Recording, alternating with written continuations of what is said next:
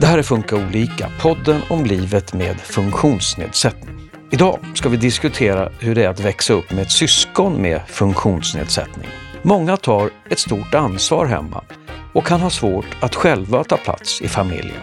Vad är viktigt för syskonen och vad kan man göra som förälder? Vi träffar både ett åttaårigt syskon, en förälder och en kurator som håller i syskongrupper. Jo, men det, så upplever många syskon att det är jobbigt när andra tittar. En del tycker det är jobbigt med frågor också, för man vet inte vad man ska svara. Så där gäller det ju att ha en plan eller vara lite förberedd. Ja, vi försöker när vi träffar nya personer att eh, förklara, berätta om Vilma, men också att lyfta fram Vilma som person, inte bara avvikande. Men jag tycker det är jättesvårt. Jag, eh, det är svårt. Så välkommen till det första avsnittet av två på temat syskon. Jag heter Susanne Smedberg och med mig i studion idag har jag Lotta Frekon. Hej! Du är förälder till Tuva som är åtta år och till eh, Vilma som är 11 år som föddes med en sällsynt diagnos som heter SLO. Kort, vad är det för någonting? Eh, SLO är en sällsynt diagnos som gör att kroppen har svårt att bilda kolesterol, vilket medför flerfunktionsnedsättning. För Vilma innebär det bland annat att hon är grav utvecklingsstörning, stora rörelsehinder, synnedsättning, att hon är döv eh, och hon har ett 24 timmars omvårdnadsbehov. Hej också Jenny Rosendal. Hej. Du är kurator på Habiliteringscenter Liljeholmen och håller i grupper för syskon. Det stämmer. Eh, jag börjar med att fråga dig då, vad är det för typ av grupper? Mm, vi har ju syskongrupper då för, för barn som har syskon med funktionsnedsättning. Och eh, vi tänker att eh, det är bra för dem att träffas, att man får träffa andra syskon som eh, delar erfarenheter, men också för att eh, syskonet ska få lite mer uppmärksamhet, få komma till tals, bli lyssnad på och eh, ha roligt.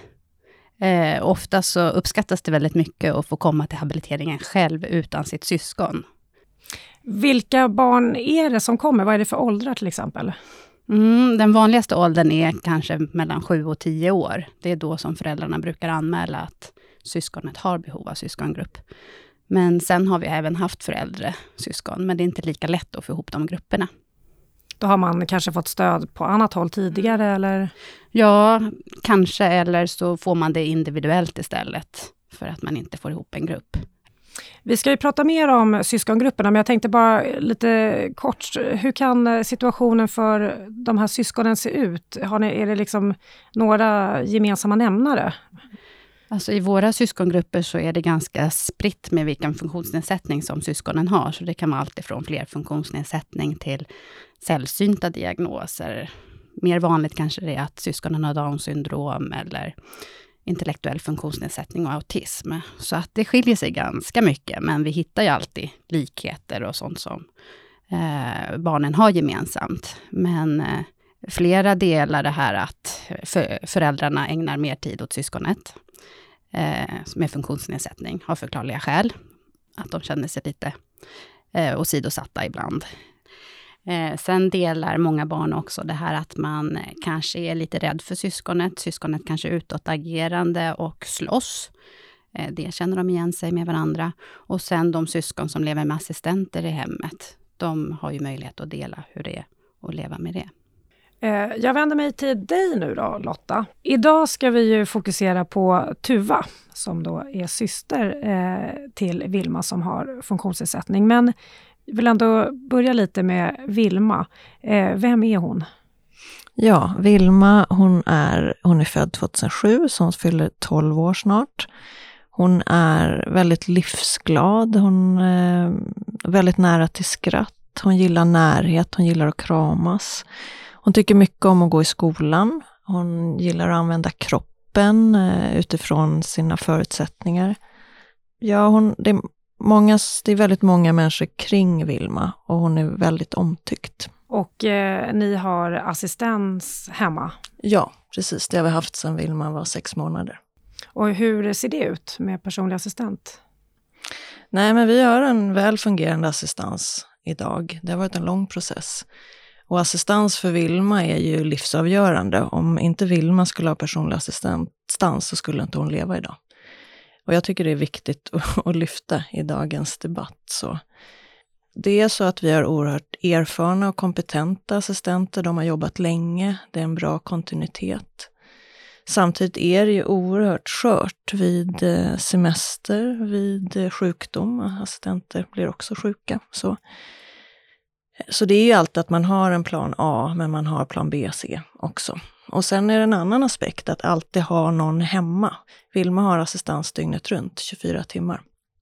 Eh, och det, för mig är det en sak att aldrig få vara ensam. Och där är man ju olika. Som Tuva till exempel, hon föds in i det här. Det är ju naturligt för henne. Samtidigt tror jag det, det påverkar nog alla. Det är någon som har jämfört det med att gäster som aldrig går hem. Men eh, oerhört tacksam att det finns, att vi har det. Det fungerar oftast väldigt väl. Eh, om eh, vi pratar lite om Tuva då. Eh, vill du berätta lite om henne? Hon är åtta år, så hon är yngre än mm. Vilma. Hon är tre år yngre än vad Vilma är och hon går i tvåan nu och nyfiken och glad och ja, hon gillar livet och skolan och allt och kompisar och massa aktiviteter. Eh, och hon blev ju jätteglad när hon fick höra att det fanns syskongrupper. Eh, och frågade hela sommaren, kommer det bli, kommer det bli? Och först fanns det inte någon som vi hittade, men sen så blev vi kontaktade av Jenny och att det faktiskt fanns. Och då blev hon jätteglad. Så hon längtade, hon frågade att få börja. Så hon har ett oerhört behov kring det här att vara syskon. Vår reporter Åsa Melin Mandre har ju varit hemma hos er och eh, pratat lite med Tuva om hur hon upplever det att vara syskon till Vilma. Vi ska lyssna på det nu. Kan inte du berätta för mig om din syster Vilma? Um, hon är, blir väldigt lätt glad. Hon skrattar. Vad blir hon glad över? Um, när jag kramar henne. Vad brukar ni göra tillsammans? Leka med hennes leksaker eller sitta i soffan. Är hon alltid glad eller är hon ledsen eller sur ibland? Hon är ibland det. Vilma har ju funktionsnedsättning. Eh, hur märker du det? Att hon ser lite annorlunda ut än de andra. För att hon sitter i rullstol. Hennes huvud är lite smalare och mindre. Och tänderna sitter lite hur som helst. Hur pratar du med henne? Um, vi har precis börjat med tassel. Um, som är tecken där man både rör vid henne och visar tecken. Jag har förstått att ni har person, det som kallas personliga assistenter här hemma och hjälper eh, Vilma. Hur är det för dig? Det kan ju vara lite jobbigt ibland för de inte vet var sakerna ska ligga. Så blandar de ihop dem och lägger dem lite var som helst så hittar man dem inte sen. Men det kan vara kul också för att um, de är roliga. Är det något som är jobbigt för dig med att, med att Vilma har en funktionsnedsättning?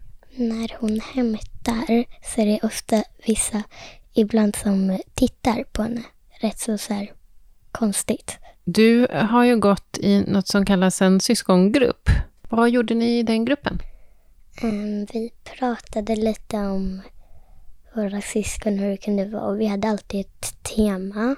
Um, och så hade vi fika och då brukade de läsa en bok som jag har fått vara med och läst i förhand som heter Operation Slutstirrat. Den handlar om en person som heter Vide som har ett syskon som då har en funktionsnedsättning som heter Mio. Och en gång gick Mio förbi på skolgården. Då var det en person som pekade på honom och sa, är det en människa? Um, och då ville han lösa det. Och då försökte han. Till slut med en ny kompis som kom till klassen så berättade han. Och då skulle de göra en operation slutstirrat. Och så till slut lyckades de. Och då var, satte de en skylt på Mios rullstol som stod Hej, jag heter Mio. Prata gärna med mig. Kände du igen dig? Lite. Du sa att ni hade olika teman i den här syskongruppen. Kommer du ihåg något tema? tror det var en som var orättvisor och rättvisor. Vad pratade ni om då? då? Att till exempel syskonen inte behöver göra lika mycket saker som en själv. Det kanske känns eh, orättvist, eller? Mm, ibland. Vad, vad var det som var roligast i den här gruppen? Att få vara med alla kompisar. Man fick lära, um, lära känna nya. Och eh, så fick man prata om dem. Och så, eller jag frågade om någon dag vi kunde ta med syskonen. Och så föreslog de att vi skulle ha någon återträff. Och då tog vi med syskon. Det var kul att se de andra syskon. Du som är, du är liksom expert på att vara syskon till någon som har en funktionsnedsättning. Har du några tips till alla oss andra som inte har vad vi ska tänka om vi träffar på Vilma? Och... Att inte titta konstigt på henne, utan det är bättre att fråga. Vi har nu hört eh, Tuva berätta om hur hon upplever att vara syster till Vilma. Vad tänker du spontant kring det nu när du har hört det Lotta? jag blir väldigt glad, för jag ser, upplever så mycket kärlek mellan Tuva och Vilma. Eh, och så blir jag lite rörd över hennes engagemang att prata om det här, hennes förmåga att sätta ord på det. Jag tycker att hon är modig. Janne, vad tänker du då? Det blir lite tårar här inne i studion. Nej, men jag blir också väldigt rörd när jag hör Tuva. Hon är himla klok tjej och det var så härligt att ha henne i syskongruppen, för hon var en så stor tillgång för de andra som var där, för att man kände hon har kommit lite längre, som hon sa. Hon hade ju läst den här boken i förväg och vi kunde utnyttja det eh, som ledare för gruppen, att, att Tuva fick berätta lite hur hon tänkte och kände och sådär, och de andra hängde på. Så att, ja, jag tyckte hon uttryckte sig jättefint. Eh, jag tänkte på det att eh, hon är ju duktig på att uttrycka sina känslor och, och tankar, uppfattar jag det som. Är det här någonting ni pratar mycket om hemma? Eh, vi försöker prata om det. Jag tror att det var framförallt i höstas det blev en större grej just för Tuva. Både att hon gick i syskongrupp och att den här boken, Operation Slutstirrat av Anna Pella kom. Och att hon fick vara del i det. Eh, det gjorde att det, det, det, var mycket som hände. Eh, och då passade väl vi på att prata om det eh, också. Men jag tror att det var mycket tack vare just den här boken och syskongruppen i kombination. Och att de läste boken högt i hennes klass och i hennes parallellklasser. Så alla årskurs två i hennes skola läste boken högläsning och så fick de diskutera och de fick rita. och och Tuva pratade om det inför klasskompisarna. Så det, blev, det var mycket som hände. Hon återkommer ju till det vid flera tillfällen, just det här med att omgivningens reaktioner, att det är det som hon tycker är jobbigast nästan. Hur hanterar man det? Ja, vi försöker när vi träffar nya personer att eh, förklara, berätta om Vilma, men också att lyfta fram Vilma som person, inte bara avvikande. Men jag tycker det är jättesvårt. Jag, eh, det är svårt. Och där tycker jag eh, återigen att hon får läsa en bok om det, gör ju att hon också ser det och då blir det en, en eh, bekräftelse att, ja, hur gör vi det här? Men det är svårt. Det är jättesvårt tycker jag. Är det här ett en svårighet för de här barnen. Mm. Jo, men det, så upplever många syskon, att det är jobbigt när andra tittar. En del tycker det är jobbigt med frågor också, för man vet inte vad man ska svara. Så där gäller det ju att ha en plan, eller vara lite förberedd på vad kan man säga när folk frågar, eller har man något, någon tittar, hur man kan agera i den situationen. Och här kan ju syskonen tipsa varandra, så här brukar jag göra, eller har, har ni provat det här? Och, så det är lite roligt. Och ibland så, så kör vi lite rollspel också med syskonen och de får testa olika metoder och se vad som passar för dem. Blir det lättare? Det kan det ju bli, men det där är väl också väldigt olika. Men man ser eh, syskonen som pratar mer hemma, de är bättre rustade. Det finns en grundtrygghet. Eh, och de som inte har pratat så mycket hemma, de, de, har, det lite, de har det lite tuffare. Eh, Lotta, hur skulle du beskriva Tuva som syster till Vilma? en stolt syster, så. Eh, kärleksfull och står upp för Vilmas rättigheter. Så om vi missar någonting, till exempel får inte Vilma smaka på mat vid middagen eller så, så påpekar Tuva gärna det. Eller om vi bestämmer att vi åker till fjällen utan Vilma så blir det så, varför det? Eh, frågor kring det. Och det jag tror att hon också uppskattar att vara bara själv. Samtidigt så tycker hon att det är fel på något vis. Eh, men jag tror, jag tycker Tuva är väldigt självklar syster till eh, Vilma. Mm, hon har blivit stärkt i det sen i höstas. Eh, och jag tror också handlar om ålder, att i den här åldern så funkar det superbra. Jag bävar lite kanske inför tonåren. Är det något som eh, du vet om hon tycker det är jobbigt eller svårt i förhållande till Vilma, eh, som inte omgivningen då, om det är något rädsla eller oro eller något? Ja, ibland kan jag, vi höra det här. Ni har bara tid för Vilma. Det som du tog upp Jenny. Att det i perioder så är det mycket fokus, till exempel om Vilma är sjuk eller ligger på sjukhus eller assistenter är sjuka. Så vi får hoppa in natt och så vidare. Eh, och det har jag märkt, det är såklart orättvist. Och där försöker vi eh, tänka på det.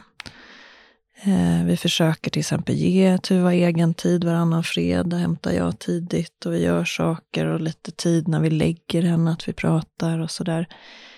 Jag tror också att hon eh, ibland kanske saker hon tycker är jobbigt, att hon saknar en jämnårig syskon att prata med, dela saker med på ett sätt som kan ibland vara svårt med Vilma. Kanske blir lite ensamt så och därför är det ännu viktigare med kompisar runt henne, alla kompisar, men också kompisar i liknande situation. Jag tänker just det, du var inne på det också Jenny, det här med igenkänningen, att eh, ja, någon förstår den kanske också utan att man behöver säga så mycket. Men eh, om vi går in lite på de här syskongrupperna, de eh, är indelade efter olika tema. Tuva nämnde ju mm. rättvisa, orättvisa. Mm. Vad är det mer för teman? Vad pratar ni om i de här grupperna? Mm. Eh, första tillfället så pratar vi om likheter och olikheter. Och det är ju då de träffas första gången och då får de berätta om sina syskon. Eh, jag tror när Tuva var med så hade de också med fotografi på sitt syskon när de berättade. Så, eh, som gjorde det lite lättare. Och vi, och, och vi fångar upp vad som är lika mellan syskonen också. Eh, mellan syskonen själva. Och sen pratar vi om utseende också. I den här åldern så tänker de ju mycket kring att, ja men vi har lockigt hår båda två, eller så det är första temat. Det andra temat är rättvisa och orättvisa. Det var det Tuva pratade om. Eh, gång tre, då har vi mod och rädslor. Gång fyra, känslor i kroppen. Och sista tillfället har vi guldkorn i vardagen. Vad skulle man säga syftet med de här syskongrupperna är? Eh, igenkänning? Eh, eh, fylla på med kunskap, dela erfarenhet och stärka barnet. Alltså trygga dem att det här här kommer bli bra och, och det är bra och lyfta det som är positivt. Och. Eh, Lotta, eh, hur eh, märkte ni när Tuva började gå de här syskongrupperna? Hon var ju väldigt peppad på att gå och eh, berättade lite om det här också. Förändrades någonting hemma? En svår fråga tycker jag. det, äh, men hon blev ju mer stärkt i att vara syskon och lite så att det var, det var viktigt på något vis. Men också att hon, eh, hon ville absolut inte prata om det hon hade gjort. så. Men det sipprade ändå ut i andra sammanhang, frågor, funderingar och, som vi passade på att följa upp. så. Men det var ju framförallt den där igenkänning som var så väldigt viktigt. Att hon pratade om de andra och vad spännande det var. Och den frågade det och det så. så det, var det första eh, gången hon var i ett sammanhang tillsammans med andra i liknande situation? Nej, det var det inte, men det är första gången där på ett ordnat sätt, eller vad man ska säga. Hon har varit med på ett sånt sommarläger i Furuboda som är, var ett familjeläger. Och det uppskattar hon ju jättemycket. Eh, men det här är den där det bara handlar om henne som syskon. Och sen har vi ju som sagt vänner. Men jag kände ju en oerhörd trygghet i att veta att hon har andra vuxna hon kan vända sig till nu och att andra vuxna som håller i de här frågorna. Ehm, så det gav mig väldigt mycket, eller oss som föräldrar, att veta att det här som jag kanske känt, att det här borde jag tänka på. Jag har sett den där boken i bokhyllan som jag borde läsa om litet syskon. Och att det är någon annan som delar det ansvaret. Eh, det, det känns oerhört viktigt. Kan det vara så att hon eh, vågar prata med andra om andra saker? Självklart, och det är det som känns bra. Att vissa saker tror jag hon inte tar upp kanske med oss föräldrar. Men något att det är en lättsam form. Eh, om jag ställer en fråga kan det vara kanske, oh, du bara frågar sådär. Men om det kommer i en, ett sammanhang där det blir naturligt och enkelt och andra är med och någon annan än föräldrar frågar eller håller i det, så är det såklart att det är ett jättebra sammanhang för henne. Är det några frågor, Jenny, eller ämnen som eh, är jobbigare för de här barnen att prata om, eller tuffare för dem? Mm, nu är det ju oftast ganska små barn, men det är klart att de sitter ju med en hel del oro. Hur, hur ska det bli när mitt syskon blir vuxen och vem ska ta hand om mitt syskon när ni, inte mina föräldrar finns? Är det jag som ansvarar då eller? Är man också orolig för föräldrarna? Eh, ja, det kan man vara. Ja, man ser att föräldrarna är tyngda och har det jobbigt ibland. Och, så man, man vill inte gärna störa och, och ställa frågor till föräldrar ibland för att man tänker att då gör man föräldrarna mer ledsna. Jag tänker också på den här saken, du nämnde det också Lotta, att eh, eh, Tuva vill alltid att Vilma ska vara med. Samtidigt så finns det säkert det här behovet av att vara ensam med sina föräldrar. Är det här, liksom, hur hanterar barnen det här? Jag tänker att det, det kan ligga lite skuld inbillar jag mig också. Mm, självklart. Men jag tror att det är föräldrarna som måste eh, ta det ansvaret och tala om att vi, vi behöver den här avlastningen för att orka med och vi vill ha tid med dig också. Och nu, nu har vi bestämt det här så att det inte vilar på, på syskonet. Eh, och vi uppmuntrar ju föräldrarna att ta hjälp. Vi sa ju det att det kan vara ganska olika eh, personer som går i de här grupperna. Eh, skiljer sig upplevelsen beroende på vilken funktionsnedsättning syskonet har? Ja, precis. Jo, men det, det skiljs, skiljer ju åt förstås. Eh, men alla har ju glädje av att träffa andra som, har, som man kan dela erfarenhet med, oavsett om syskonet är utåtagerande eller inte. Men jag, jag tror att det, det stärker dem, de flesta. Är det någon ålder eller situation som är mer kritisk? Nej, men det är väl framför allt, jag tänker att det är just skolåldern. Eh, och sen när man kommer upp i tonåren, att man börjar fundera mer på, kring ansvar och att, ja, hur ska det bli när mitt syskon växer upp och hur, hur länge är mitt ansvar och vem ska ta hand om syskonet? Hur hanterar man och avlastar sådana där tankar och känslor? Jag tror det är bra att syskonen får information om vad samhället kan ge för stöd och att hur det, hur det kan se ut och man kan berätta om att så här blev det för den här personen som är vuxen nu och som har flyttat till eget boende och har den här hjälpen och att ja, visa på goda exempel att här har det blivit bra. Du berättade ju för mig när vi pratade i telefon också att eh, det första googlingen Tuva gjorde var SLO mm. och Vilma. Mm. Att hon mm. sökte kunskap just om mm. funktionsnedsättningen. Mm. Nej, hon, hon vill veta och där blev jag så här, oj då, har vi inte berättat tillräckligt om det? Eh, så jag kom på att vi kanske ska berätta det vi berättar för nya assistenter. Vi har ju en powerpoint om SLO och Vilmas behov och ja, behov som behövs, eh, att assistenten behövs eh, och vad den gör. Eh, så det slog mig lite att SLO var så spännande och att hon googlade på Vilma afrikan istället för Tuva afrikan som jag tror många kanske skulle börjat med att googla sig själva. Och det tänker vi också är ju viktigt att man får kunskap om sitt syskons funktionsnedsättning, också i flera omgångar under det är, det är inte bara ett snack när barnet är 6-7, utan det här måste man kontinuerligt prata om. Att man fyller på med kunskap och att barnet får vara delaktigt. Ja, jag blev bekräftad i det med, med hennes googling och att jag tänkte, men oj, det trodde jag vi har pratat om. Men det är väl som du säger, man behöver ju prata om och om igen. Ja. Vi försöker ju vara extra lyhörda när vi anar en fråga eller anar en fundering, att uh, följa upp. Men ibland missar man ju helt såklart. Och det är de klurigaste grejerna behåller barn ofta för sig själva. Mm. Och då är det ett sammanhang med just syskongrupp att kunna fånga upp det. Det är mycket värt för syskonet att följa med någon gång, kanske till läkaren, eller som till habiliteringen, eller se vad kortis är för någonting. Just att man är lite delaktig, eller i alla fall förstår vad det är som händer. Ja, precis.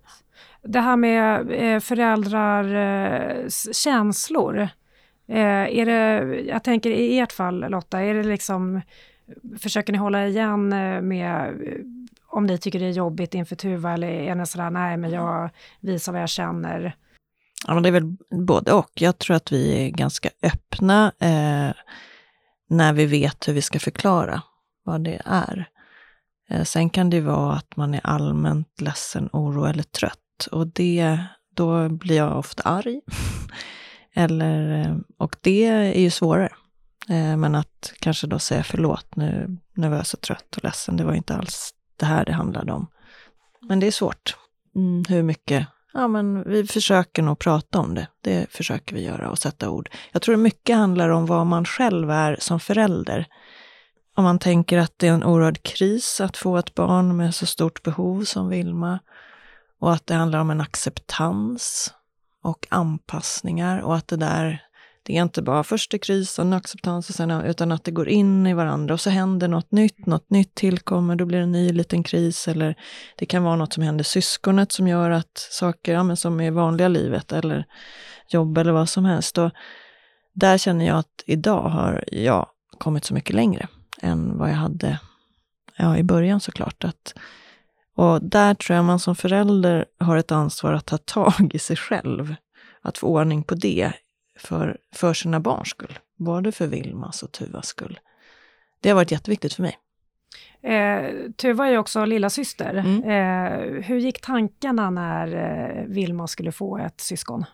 Eh, ja, det, det var ju blandat. Skulle vi orka? Så samtidigt kände jag att det skulle bli en balans i att det skulle bli eh, till SLO då, det som var svårt. Eh, och jag hade en väldig längtan att få ett syskon så i efterhand tyckte jag det var jättebra beslut att vi gjorde det. Eh, men, vi, men det var såklart blandat, blandat inför det.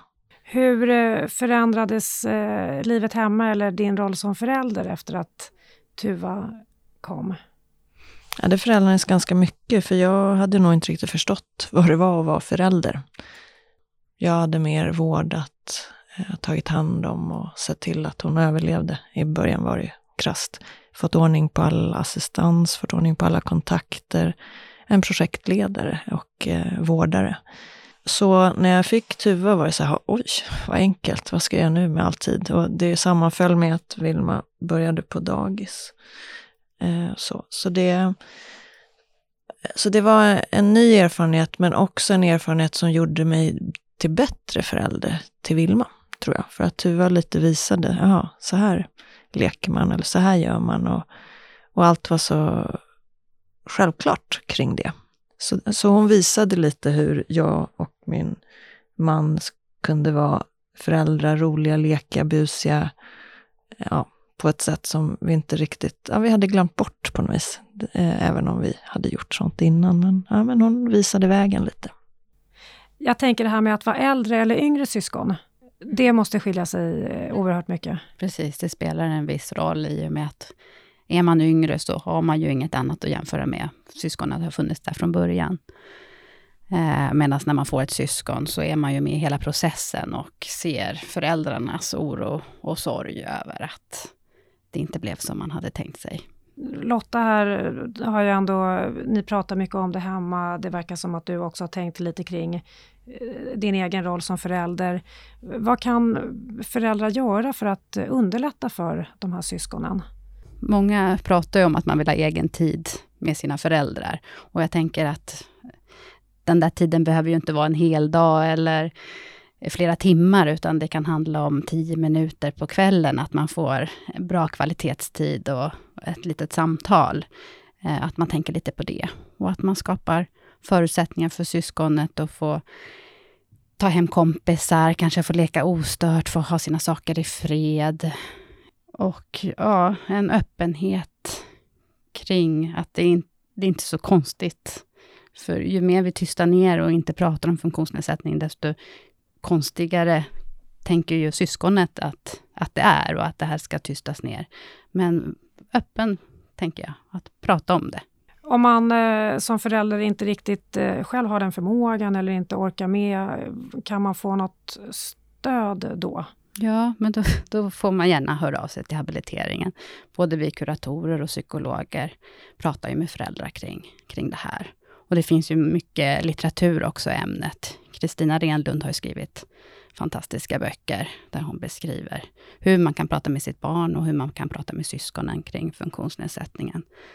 Eh, och nu har ju Anna Pella skrivit böcker. Och, och jag skulle rekommendera att man kan gå till biblioteket, som vi har på Habiliteringens Habil resurscenter. Ja, resurscenter heter det nu. Eh, och fråga vad de har för tips på litteratur. Om vi bara nämner lite grann föräldrarna, för du träffar föräldrarna också. Hur är, deras känsla inför syskonen? Känner man sig otillräcklig? Har man lite dåligt samvete? Eller ja, vad säger föräldrarna till er? I, jo, men det är precis så. Det är otillräcklighet. Eh, ja, att tiden inte räcker till och det är mycket logistik och det är mycket vårdkontakter och att syskonet med funktionsnedsättning tar mycket tid. Och det är där vi uppmuntrar till att, att söka hjälp. Sen vet vi också att det är tufft, men att vi försöker att stötta föräldrarna i den kontakten och, och att de ska trycka just på syskonens situation när man ansöker om avlastning. Så vi kan ge lite tips där, att man fokuserar på det här och, eh, i, i din ansökan och nämn det här. Och, jag tänkte på dig Lotta, eh, det här med tiden. Har ni mycket stöd från omgivningen? Ja, det har vi. Samtidigt är det svårt att be om hjälp. Är, men vi har mina föräldrar, mina systrar. Min mans föräldrar bor tyvärr i Frankrike. Eh, vi är förstående vänner, tycker jag. Eh, samtidigt är det ju det är vardagen, den behöver man få ihop själv. Och det är väl när jag har insett att vi inte bara kan köra på som vanligt. Det är då det blir bättre. Eh, jag tänkte i början att ingenting skulle behöva påverkas av det här. Eh, Vilma har också två äldre brorsor som var sex och sju år när Vilma föddes. Att ingenting skulle gå ut över dem. Vi skulle, allt skulle vara som vanligt. Och, eh, vi skulle köra på och vi skulle åka till fjällen, vi skulle göra allting. Eh, I efterhand så där kanske det blev bara jobbigare i vissa situationer. Även om jag tror att det var bra att vi tänkte så, för de är ju barn. Men när jag har insett att oj, jag behöver göra ganska stora förändringar i mitt liv. Det är då det, det periodvis kan kännas harmoniskt. Nej men lite jobba mindre, har man möjlighet till det? Har man möjlighet att jobba deltid? Har man båda två? Har man möjlighet att se vad som ger energi och unna sig det och ta bort det där andra? Nu är det ju inte de äldre bröderna som är i fokus, men jag tänker det är en annan situation för de är äldre bara om du vill kort lite grann, har, har de samma upplevelse av eh, situationen med Vilma som Tuva? Jag tror att det hade varit helt fantastiskt om de när de var sex och sju år, särskilt de tre åren innan Tuva kom, hade fått möjlighet att gå i syskongrupp. Att vi hade haft ork att se det, att kunna kanske ta hjälp, be om hjälp kring det. Sen är det en särskild situation, för det är mina bonusbarn, så de är hemma halva tiden och hemma hos deras mamma halva tiden. Eh, och det gjorde också svårt att fånga upp allting. Eh, samtidigt tror jag det var bra eh, också, såklart, att det, man har olika liv. Det kan vara särskilt positivt i ett sånt här sammanhang. Men eh, eh jag tror att de var oerhört stolta och superfina eh, när Vilma var liten. Och de är superfina brorsor fortfarande, helt fantastiska, både till Vilma och Tuva. Däremot var det något som hände när de blev äldre och när Tuva kom. Eh, och det är svårt att sätta fingret på. Vi, vi skulle, det är både att eh, det blir en ålder när det är lite svårare och om man inte hanterat det tidigare så blir det svårare att hantera sen. Och det här att prata med dem nu känns inte helt enkelt. De är snart 18 och 20 jag skulle någon gång vilja höra hur de, hur de ser på det. Men det känns lite svårt. De har så gjort lite skoluppgifter olika kring Vilma och då har vi förstått att oj, vad många tankar som finns här. Men vad, det hade varit bra att dela det ansvaret kring att fånga upp det. Lotta, du nämnde tidigare att eh, du var lite orolig för eh, när Tuva blir tonåring, att det kan bli en jobbig situation för henne, eller jobbig fas. Jag har nog inte riktigt tänkt tanken ut hur, för jag försöker bara njuta av stunden nu. Men eh, när jag ser andra eh, föräldrar till tonåringar eller det vi har upplevt kring eh, brorsorna, är att det är inte enkelt i någon situation. Och där, där är det ju pinsamt. Alltså det är jobbigt och, och det här olikheter och vilja smälta in och det är sådana saker. Men jag tänker att vi har, i all, vi har grundat bra med Tuva på ett sätt att, eh, hoppas jag. Samtidigt är det väl också de här sakerna som kan komma med att syskon enligt forskningen tar större ansvar, kanske kan vara oro, kanske det mm, är jag lite orolig över. Hur, för det är saker vi såklart inte kan påverka. Eh, Tuva lever ju och brorsorna i en, i en familj i periodvis som har det väldigt jobbigt, liksom i kris. Eh, och ja, hur, eh, hur funkar det i tonåren? Eller hur funkar det överhuvudtaget? Men det, jag tror att det blir till, till sin spets, men jag kan ha fel nu, Jenny, det här med ansvar och eh, Lotta uttrycker en stor medvetenhet kring det. Det tänker jag att det kanske ändå underlättar mm. lite grann mm. i förhållande till Tuva. Jo, säkert. Och jag tänker, nu har ju Tuva förhoppningsvis en, en positiv erfarenhet av att vara på habiliteringen, så hon kanske inte drar sig för att eh, komma tillbaka. Att hon kanske kan tänka sig att och eh, komma och prata med kurator eller psykolog när hon blir äldre, för att hon har positiva minnen från syskongruppen. Så att det steget blir inte lika svårt för de som har varit hos oss tidigare. Eh, men precis den här medvetenheten hos föräldrarna, den, den hjälper ju till. Och hur kan man göra för att avlasta från ansvar? Men som vi var inne på, att, att samhällets stöd och att det finns andra som eh, har de här uppgifterna. Det finns en, en skola, det finns eh, kortis och assistans och där ansvaret ligger, att det inte är syskonets ansvar. Jag träffade något syskon som tänkte, nej men jag ska starta ett företag där mitt syskon ska få jobba. Alltså kände det ansvaret att jag måste ordna arbetstillfälle här för mitt syskon. Det var inget stort syskon, men hade redan de tankarna. Och då får man ju lugna och berätta att ja, men, så här brukar det se ut. Och... Jag, jag tänker att situationer kan ju vara när Tuva säger att det är saker som eller hon oroar sig för eller tar ansvar för. Och där har jag mer och mer börjat så här skilja på, det här är ditt ansvar. Det här är inte ditt ansvar, oftast. Och det här är vårt ansvar som förälder. Och att säga det, men att verkligen sätta ord på det du säger nu, det handlar ju om det här. Och det är sånt precis som vi föräldrar gör. Och att skilja på det, för där, det är lite som du säger Jenny, det är lätt att, att ta på sig, att, att, lösa saker så. Men jag tycker också det har varit att prata med Tuva skola, att den här situationen är, har också gjort det lättare. Att om det är någon grej, det kan vara någon helt annan grej som jag anar kanske egentligen handlar om att vi har skitjobbigt hemma nu, för att Vilma opereras eller vad det kan vara. Och att då kanske säga det. Okej, nu är det lite mycket hemma så här. Ja, det, det kanske blir någon gympapåse eller vad det kan vara. Och då kan det bli jättejobb att glömma gympapåsen eller vad det kan vara. Men jag är ju mer den här att hon läste den här boken så passade jag på att mejla alla föräldrar. Eh, den här operationslustirat? Ja.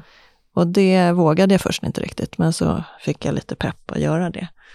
Och det är också så här, gud vad skönt. Jag har inte bara sagt till föräldrar, eller till eh, klassläraren eh, och den extra läraren, utan nu blir det inte lika konstigt på, en, på avslutningar och sådär, att berättat lite. Jag fick oerhört fin respons av de andra föräldrarna, att åh, tack eller vad modig Tuva är, eller tack för att du delar med er och, och, att vårt barn får se en annan bild av en hemsituation, eller funkisfamiljen som det kan kallas.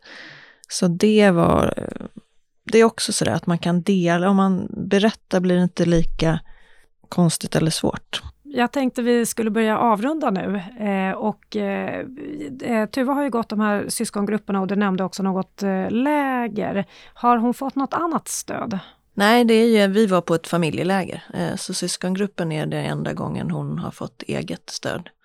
Är det något som du eh, själv önskar stöd för när det gäller Tuva?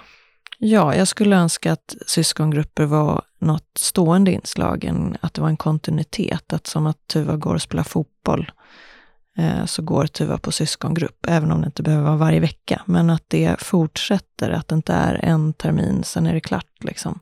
Också skulle jag önska att Vilma skulle ha möjlighet att prata med kuratorerna som hon har träffat via syskongruppen. Vi hör inte till det hubcentret som hon gick syskongrupp i. Så det skulle vara viktigt för mig. Vad säger du där då, Jenny? Finns det några sådana löpande syskongrupper eller möjligheten till Mm, jag tror att det är lite or olika organiserat på olika habiliteringscenter. Men eh, jag, jag, kan inte svara på hur det ser ut överallt. Men jag vet att några haft som en öppen grupp. som Man vet inte hur många syskon som kommer, utan tisdagar eftermiddag så, så är det syskongrupp och så, så, är, så kommer de som kommer. Eh, och det skulle kunna vara en idé. Vi har ju syskongrupper varje termin och vi har sagt att man kan inte gå termin efter termin, men man får komma tillbaka. Hur gör man för att komma till syskongrupp? Eh, ja, man anmäler intresse. Vi skickar ju ut eh, information om våra grupper till alla som är inskrivna på habiliteringen. Och då står det när man ska anmäla sig.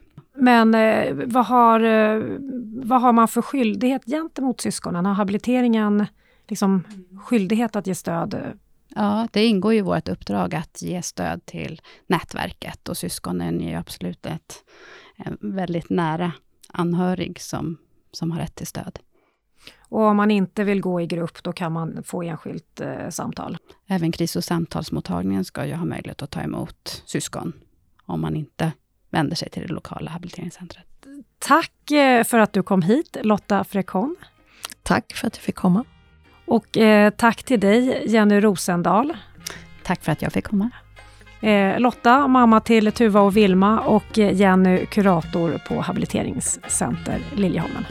Och tack för att du har lyssnat. Du har lyssnat på Funka olika, en podd från Habilitering och hälsa som är en del av Region Stockholm. I nästa avsnitt ska vi prata om hur det är att vara vuxen och ha ett syskon med en funktionsnedsättning. Missa inte det!